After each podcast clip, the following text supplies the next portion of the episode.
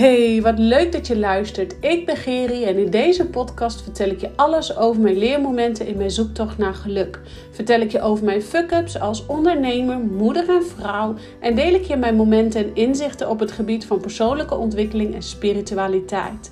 Het is mijn missie om de schaamte eraf te halen en jou opnieuw te laten verbinden met jezelf en de spirits om je heen, zodat je persoonlijk gaat ontwikkelen en bedrijfsmatig gaat groeien. Ik weet als geen ander hoe we soms door de weerstand heen moeten, oftewel met je bek door de drek, zoals ik zelf altijd zeg, om te worden wie je wilt zijn. Door ons meer en meer af te stemmen op wie we werkelijk zijn, blijven we gemakkelijk in de flow van het leven staan. Ik help jou je frequentie te verhogen, zodat je voorbij gaat aan het stemmetje in je kop en beter gaat communiceren met jezelf, zodat je kiest voor dat wat jou gelukkig maakt. Rise up, jij krachtige, prachtige vrouw. Ja, wat supergoed dat je luistert. En um, wat supergoed dat jij er weer bent. Want ik wil je vandaag meenemen in um, een stukje ego. Hoe ons ego kan werken. Hoe ons ego ons klein kan houden. En hoe ego ervoor zorgt dat wij eigenlijk continu maar in cirkeltjes draaien. Of uh, vluchten in werk, in, in sporten, in gezond eten. In weet ik veel waar we in vluchten. Om maar niet daadwerkelijk te hoeven voelen. En dat heeft alles te maken met ons ego. En je hebt het me vaker horen zeggen: we hebben ons hogere zelf, we hebben ons ik, we hebben ook ons ego en ons brein. En uh, ons ego en brein die werken natuurlijk heel nauw samen. Die zijn eigenlijk een beetje van hetzelfde. Maar die werken zo nauw samen. Dat zijn, hey, je brein is ervoor, die is liever lui dan moe. Die denkt, nou doe maar niet. Je ego die vindt overal van alles wel van. En die zal altijd voor zorgen dat jij in je comfortzone blijft, die twee samen. En die twee samen die zijn eigenlijk ook... Um, ja, die twee die werken eigenlijk samen. En dat is eigenlijk jouw bewustzijnsniveau. Daar zit alles wat in je kopje omgaat. Uh, maar daarnaast hebben wij natuurlijk ook onderbewuste. Ons onderbewuste die is vele malen groter en vele malen krachtiger. Alleen ons ego is zo sterk. En je moet het zo zien, ons onderbewuste, dat is onze ziel, dat is ons hogere zelf, dat is ons uh, energetisch en spiritueel lichaam. Die zijn zo'n beetje 95%. En jouw ego, je brein en alles wat in je fysieke of in je, uh, mentale kopie gebeurt, wat in je kopie gebeurt, is zo'n beetje 5%. Alleen die 5% die heeft zoveel overtuigingskracht. Zo grote overtuigingskracht dat wij vaak alles wat daar gebeurt maar aannemen voor waar. En ook kwakkeloos maar aannemen voor waar. En um, dat kun je ook merken in momenten. Hè, uh, nou, laat ik even bij het begin beginnen. Um, op het moment dat het ego jou wat vertelt. Nee, laat ik helemaal bij het begin beginnen. Op het moment dat wij geboren worden, worden wij heel puur en eerlijk geboren. En naarmate we ouder worden, maken we van alles mee. En zal ons brein en ons ego daar ook uh, nou, herinneringen in opslaan. Dus op het moment dat jij bijvoorbeeld over een grens bent gegaan voor iemand als klein meisje. En je hebt daar geen benul van. En jouw ego die, die ziet dat. Hè, je bent daarvoor gestraft door een van je ouders. Uh, dan slaat jouw ego dat op als um, niet goed. En dat kan van kwaad tot erg, van je bent niet goed genoeg of je bent het niet waard of whatever daar dan ook uit mag komen. Um, dat kan zelfs op latere leeftijd resulteren in uh, je bent niet goed genoeg of je bent het niet waard of je bent de ander niet waard.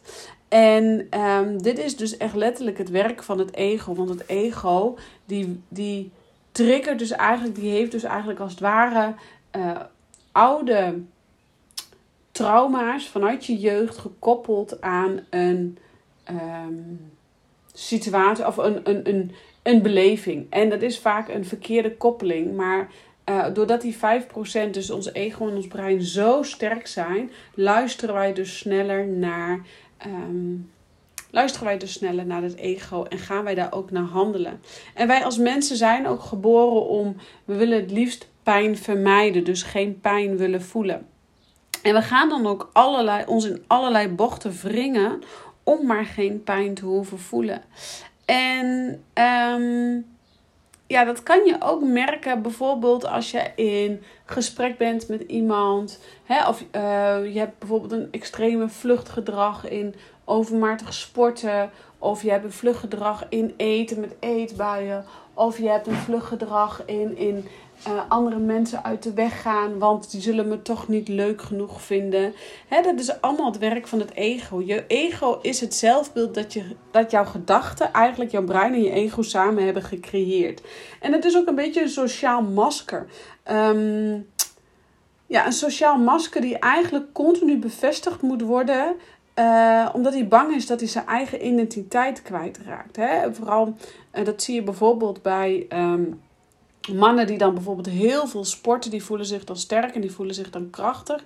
Uh, en als dan een keer niet gaan sporten, dan is daar direct van alles mis mee. Uh, maar dat is eigenlijk het ego, uh, die gewoon bang is om zijn identiteit kwijt te raken. Terwijl dat vaak aan de buitenkant een hele krachtige persoon zit, maar aan de binnenkant een heel zacht ei, gekookt eitje zit, om het zo maar even te zeggen. Um, en dat zie je ook vaak in contact met andere mensen. En uh, ik, ik, ik bespreek het ook eigenlijk naar aanleiding van uh, wat een klant van mij vertelde. Zij was bezig met de opleiding. En tijdens die opleiding moesten ze, waren ze in een groep aan het werk. En in die groep voelde zij zich een beetje benadeeld door één persoon. En zij voelde zich eigenlijk een beetje niet gezien door die persoon. En um, wat gebeurde er bij haar? Zij werd eigenlijk getriggerd. Haar ego triggerde uh, van hé, hey, ik word niet gezien en gehoord door die persoon. Maar haar ego had het opgeslagen vanuit haar jeugd. Dus vanuit haar jeugd dat er iets gaande is. Uh, waardoor zij deze pijn ervaarde. Dus haar ego haalde dat dat die pijn weer naar diezelfde pijn weer naar boven. Maar het was een andere uitkomst. Maar dat wist het ego niet. Dus wat doet het ego? Het ego zegt: Oh ja, ik ben niet goed genoeg. Ik ben het niet waard om gezien en gehoord te worden door deze persoon. Dus wat deed mijn klant? Mijn klant die ging maar niet naar die persoon toe om afscheid te nemen. Die liet het voor wat het was. En die, had echt, die ging met een heel rot gevoel naar huis. Van ja, die klant heeft mij geen. Of die persoon uit die groep die heeft mij geen niks gezegd en ik voelde mij niet gehoord en gezien. En toen vroeg ik haar, maar wat maakt het dat jij niet naar haar toe ging om dan alsnog afscheid te nemen van elkaar? En toen zei ze ook heel mooi tegen mij, ja, uh, het heeft toch geen zin. En dit is echt het werk van het ego. Want je ego is echt het zelfbeeld van de gedachten die, die je hebt gecreëerd. Hè? Uh, dat is nogmaals dat sociale masker, die wil gewoon continu bevestigd worden. Dus haar ego werd op dat moment bevestigd in een oud kindertrauma. Wat zich nu als, als volwassen vrouw eigenlijk afspeelde van ja, ik doe het toch niet goed. Dus ik kan maar beter geen afscheid nemen van die persoon, want die ziet me toch niet zitten. Het heeft toch geen zin.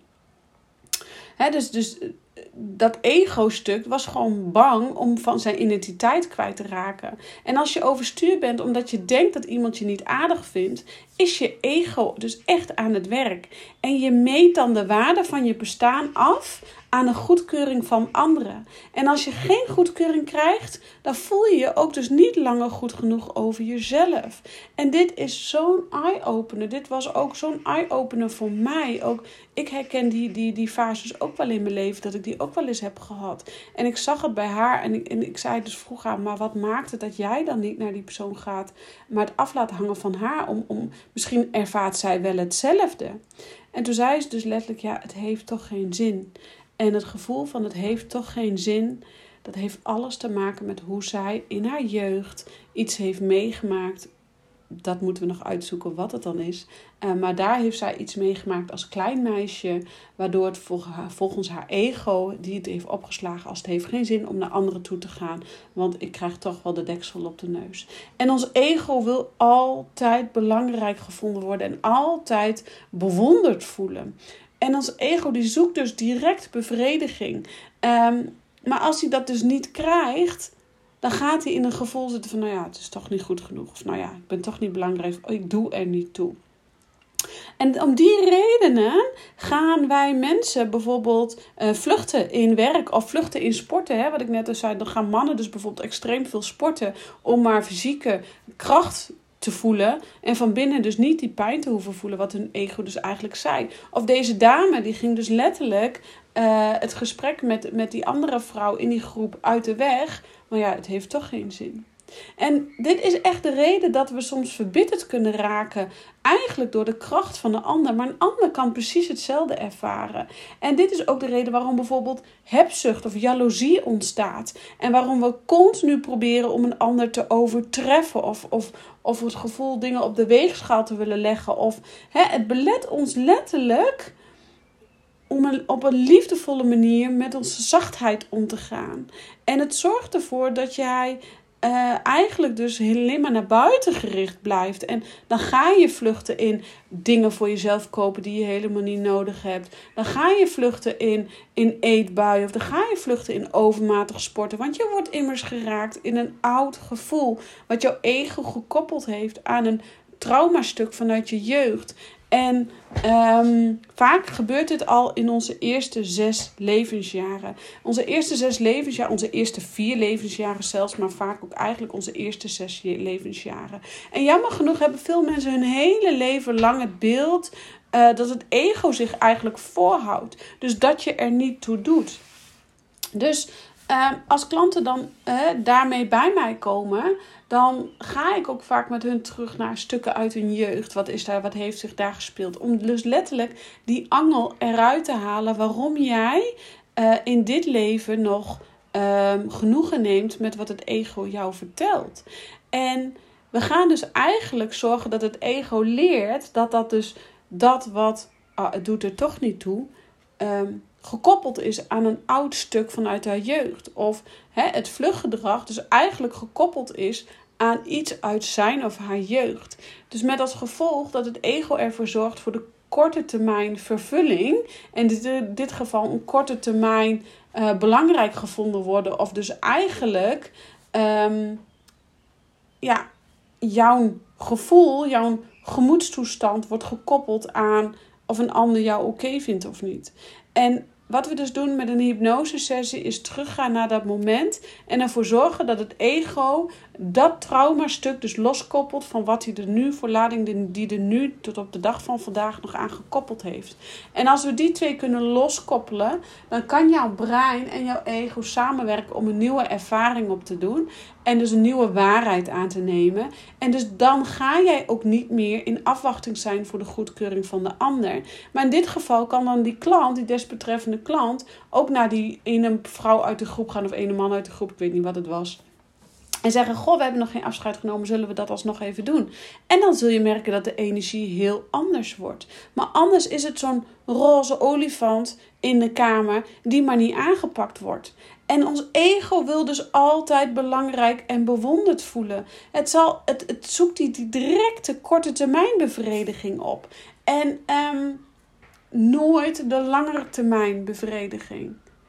En dat is wat we moeten gaan creëren. Want we willen op de lange termijn ons goed voelen, ons sterk voelen en ons krachtig voelen.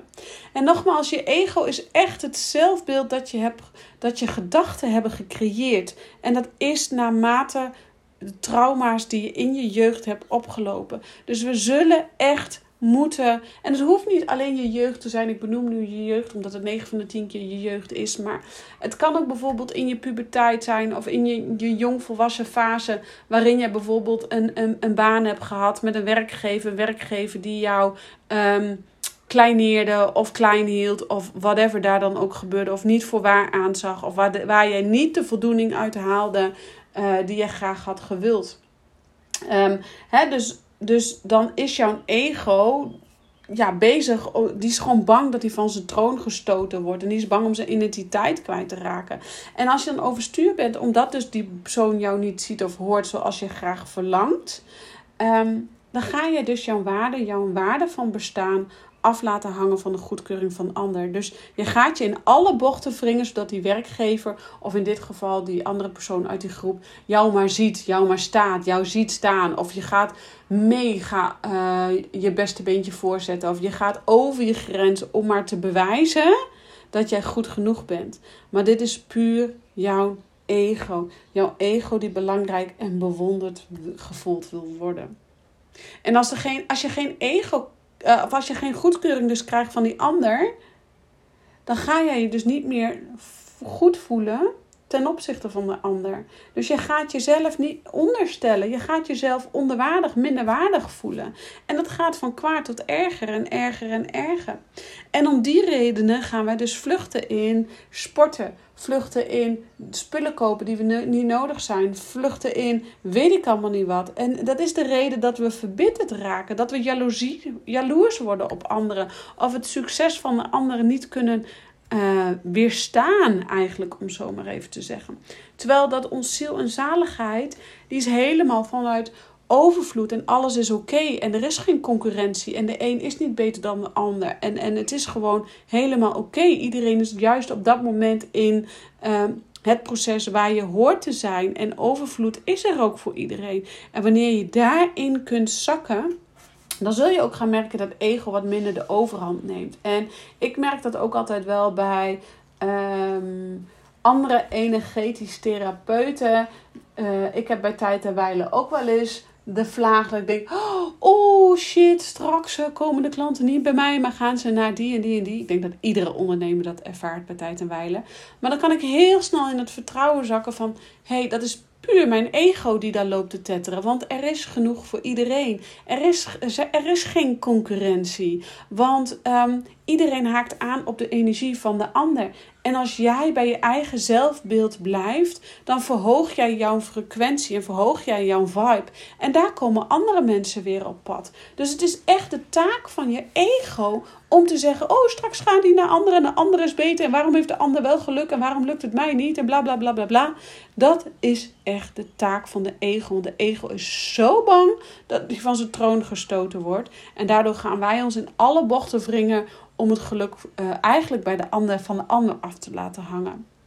En ik probeer je hier in deze podcast open te laten staan en te luisteren dat er dus meer is alleen als wat het ego jou vertelt.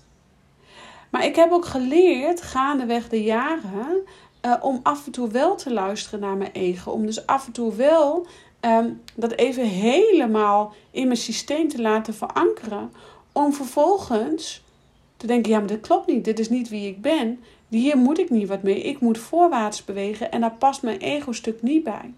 En dan kan ik dus letterlijk mijn ego even van de troon stoten. En dan voel ik me even ziek, uh, zielig en weet ik allemaal niet wat. En dan ga ik even zielig zitten zijn. Om vervolgens weer mijn hoog, maar inner being, maar in alignment te komen. In mijn kracht te komen, in mijn kracht te staan. En te voelen, oh ja, dit was echt gekoppeld aan een oud stuk. Dit is helemaal niet de krachtige persoon van wie ik nu ben. Dit is helemaal niet mijn hogere zelf. Maar dit is echt mijn ego die belangrijk gevonden wil worden. Mijn ego die eigenlijk altijd op dat voetstuk wil staan. En afhangt, de goedkeuring af laat hangen van de ander. En um, ja, die gewoon die directe bevrediging zoekt. Die directe vervulling zoekt. Maar het gaat erom dat jij die vervulling in jezelf gaat voelen. Die kracht in jezelf gaat voelen. En de purpose in jezelf gaat voelen. En dan ga jij ook niet meer um, jouw succes af laten hangen voor de ander. Of dan ga jij niet meer vluchten in sporten of vluchten in uh, eetbuien of vluchten in werken. Dan ga dingen kopen die voor jou helemaal niet belangrijk zijn. Nee, dan ben je helemaal oké met wie je bent. Dan sta je in de kracht en voel je gewoon, er is geen concurrentie. Er is genoeg voor iedereen. Er is ook genoeg voor jou, er is genoeg voor de buurvrouw. Er zijn nog zoveel coaches en dan mogen er nog veel meer coaches en therapeuten bij komen. Want er is echt genoeg voor iedereen. En het is belangrijk dat je gaat zien dat um, jouw ego...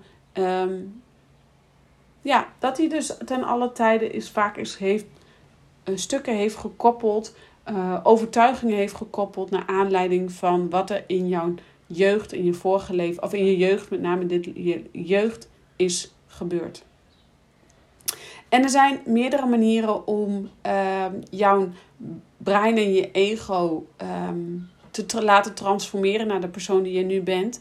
En dat is onder andere affirmeren. Dat is onder andere jezelf positief toespreken, je brein positief herprogrammeren. Uh, maar dat is met name ook zeker hypnose. Want met hypnose dan halen we zo die angel eruit. En je bent gewoon soms echt even iemand anders nodig die jou kan helpen um, voorbij dit ego-stuk te gaan. En te zien jou laten zien hoe krachtig jij in essentie bent. Ik rond de podcast af. Ik bedank je weer voor het luisteren. Laat me alsjeblieft weten wat, of wat jij van de podcast vindt. Of je hem waardevol vindt. Um, want dat geeft me echt heel veel focus, kracht en inzicht voor uh, de volgende podcast. En ik dank jou weer voor het luisteren. En ik zeg ciao voor nu.